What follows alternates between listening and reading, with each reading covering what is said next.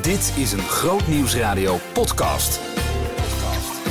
De preek van de week door Dorina Nauta. We lezen met elkaar Matthäus 25, vers 31 tot 46. En dat, daar heeft Jezus het over hoe mensen kunnen bijdragen aan een betere wereld.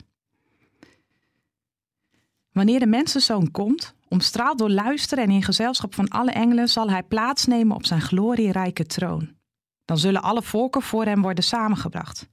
En dan zal hij de mensen van elkaar scheiden, zoals een herder de schapen van de bokken scheidt. De schapen zal hij rechts van zich plaats laten nemen en de bokken links. Dan zal de koning tegen de groep rechts van zich zeggen: Jullie zijn door mijn vader gezegend. Kom en neem deel aan het koninkrijk dat al sinds de grondvesting van de wereld voor jullie bestemd is. Want ik had honger en jullie gaven mij te eten. Ik had dorst en jullie gaven mij te drinken. Ik was een vreemdeling en jullie namen mij op. Ik was naakt en jullie kleden mij. Ik was ziek en jullie bezochten mij. Ik zat gevangen en jullie kwamen naar mij toe. Dan zullen de rechtvaardigen hem antwoorden: Heer, maar wanneer hebben wij u hongerig gezien en te eten gegeven of dorstig en u te drinken gegeven? Wanneer hebben wij u als vreemdeling gezien en opgenomen? U naakt gezien en gekleed? Wanneer hebben wij gezien dat u ziek was of in de gevangenis zat en zijn we naar u toegekomen? En de koning zal hun antwoorden: Ik verzeker jullie, alles wat jullie gedaan hebben voor een van de onaanzienlijkste van mijn broeders of zusters, dat hebben jullie voor mij gedaan. En daarop zal hij ook de groep aan zijn linkerzijde toespreken. Jullie zijn vervloekt, verdwijn uit mijn ogen naar het eeuwige vuur dat bestemd is voor de duivel en zijn engelen. Want ik had honger en jullie gaven mij niet te eten. Ik had dorst en jullie gaven me niet te drinken. Ik was een vreemdeling en jullie namen me niet op. Ik was naakt en jullie kleden mij niet. Ik was ziek en zat in de gevangenis en jullie bezochten mij niet. En dan zullen ook zij antwoorden: Heer, wanneer hebben wij u hongerig gezien of dorstig? Als vreemdeling of naakt, ziek of in de gevangenis? En hebben wij niet voor u gezorgd? En hij zal hun antwoorden: Ik verzeker jullie, alles wat jullie voor een van de onaanzienlijkste niet gedaan hebben, hebben jullie ook voor mij niet gedaan. Hun staat een eeuwige bestraffing te wachten. En de rechtvaardigen daarentegen het eeuwige leven. Ik wil je meenemen naar Oeganda, waar ik iemand heb ontmoet. Iemand die ongeneeslijk ziek is met een kwetsbare gezondheid. En we zitten samen onder een boom in Oeganda als hij zichzelf voorstelt. Hij vertelt over dat hij jaren geleden geïnfecteerd raakte met HIV. Het is een dokter, deze man.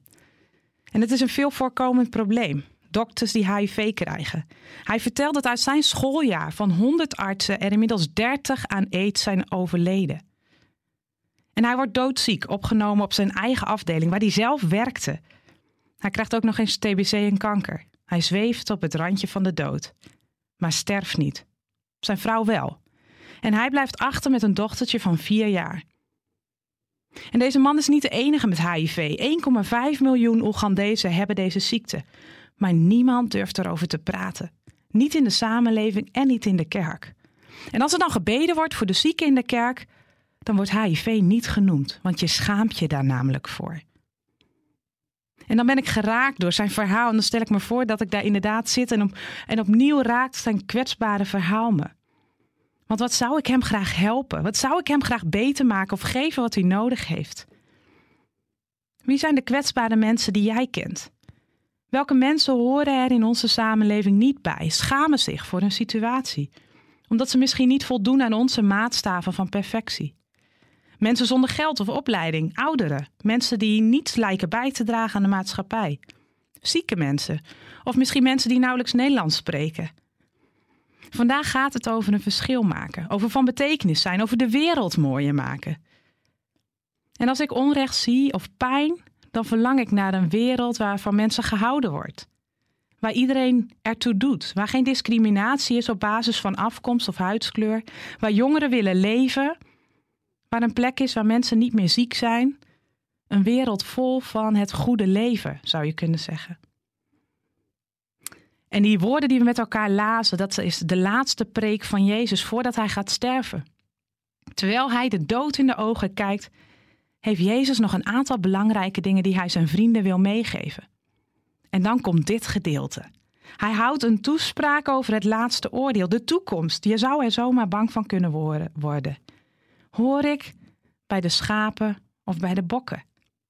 Nou zijn zijn woorden niet bedoeld om ons angst aan te jagen, maar als een aanmoediging. Om net als hij lief te hebben. Deze laatste preek is een oproep om mensen lief te hebben. Te houden van mensen die er niet bij horen. Te houden van de kwetsbaren. En het worden ook wel de werken van barmhartigheid genoemd. Het zijn er zes, stel maar met me mee. De hongerige eten geven, de dorstige te drinken, vreemdelingen opnemen, naakte kleden, zieken bezoeken en naar mensen die gevangen zijn toegaan. En dan is er door de katholieke kerk al vrij vroeg een zevende aan toegevoegd, het begraven van de doden. En een paar jaar geleden nog een achtste, namelijk de zorg voor de schepping. Jezus identificeert zich hier in dit verhaal met de mensen aan de rand van de samenleving. Hij zegt: Als je zorgt voor de hongerigen, voor de naakten, voor de eenzamen, voor de kwetsbaren, dan doe je dat voor mij. Het is alsof Jezus in hun huid is gekropen, zonder dat wij het in de gaten hebben. Als je iets doet voor een ander, dan doe je dat voor mij, zegt Jezus. En daarmee roept hij jou en mij op om God te zien in mensen van wie je het in eerste instantie niet zou verwachten. Op een plek waar je hem niet verwacht. Daar laat God zich zien in kwetsbaarheid. Want in de ander krijgt liefde een gezicht. En als Jezus zichtbaar wordt in iemand die er volgens jou niet bij hoort, dan heeft dat iets verrassends en verrijkends. Ik hoop dat je die ervaring kent. Hoe kijk je naar een zwerver, naar een asielzoeker, naar een bijstandmoeder? En het kan zomaar zijn dat je de ander ziet als een hulpbehoevende die jij zou kunnen helpen, waarvoor jij een soort messias zou kunnen zijn. De doelgroepen die Jezus hier omschrijft kunnen je zomaar zo'n messiascomplex opleveren. Je wilt hen helpen, iets geven omdat zij dat nodig hebben. Maar dan blijft het bij eenrichtingsverkeer. In dit verhaal draait Jezus het juist om. Zie je mij in die ander? Het zijn de mensen van wie je het niet verwacht. Blijkbaar kan ik in die zieke, of in die hongerige, of in die gevangene iets van God zien. En ik heb het regelmatig ervaren tijdens mijn reizen, maar ook op andere momenten, dat mensen die niets hebben, iets heel kostbaars meedragen en Jezus laten zien. Op plekken waar je het niet verwacht. Soms leven mensen letterlijk op puinhopen of op een vuilnisbelt en hebben ze helemaal niets.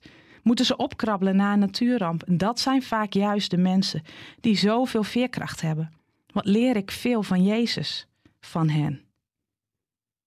En dan denk ik dat ik hen iets te geven heb. Geld bijvoorbeeld. Maar het is precies andersom. Zij hebben mij iets te geven. Daar kan ik een puntje aan zuigen. Hoe kunnen we in anderen Jezus ontmoeten? En past die ander in ons beeld van God? Dat vraagt van jou en mij om onze ogen te openen. En niet allemaal vooroordelen te hebben, maar verder te kijken. Om op zoek te gaan naar iets van Jezus. Vraag je dan maar elke keer af als je merkt dat je bijvoorbeeld een allergie voor iemand hebt. Wat van Jezus zie ik in jou? Of als je jezelf misschien beter voelt dan die ander. Wat kan ik van jou leren? En als dat dan lukt, dan ontmoet je Jezus steeds weer in een ander gezicht. Op een plek waar je hem niet verwacht. Daar laat God zich zien in kwetsbaarheid. Want in die ander krijgt liefde een gezicht. Het was het verhaal van Dr. Watiti waar ik mee begon. Maar het verhaal is nog niet af. Hij kreeg de eerste experimentele HIV-remmers. En wonder boven wonder knapt hij op. Door gebed en door pillen, zo zegt hij zelf. En hij vertelt me dat hij een roeping heeft op zijn ziekbed gekregen. Om over zijn ervaring te praten, maar om ook het taboe te doorbreken rondom HIV. Het stigma wat erbij hoort in Oeganda.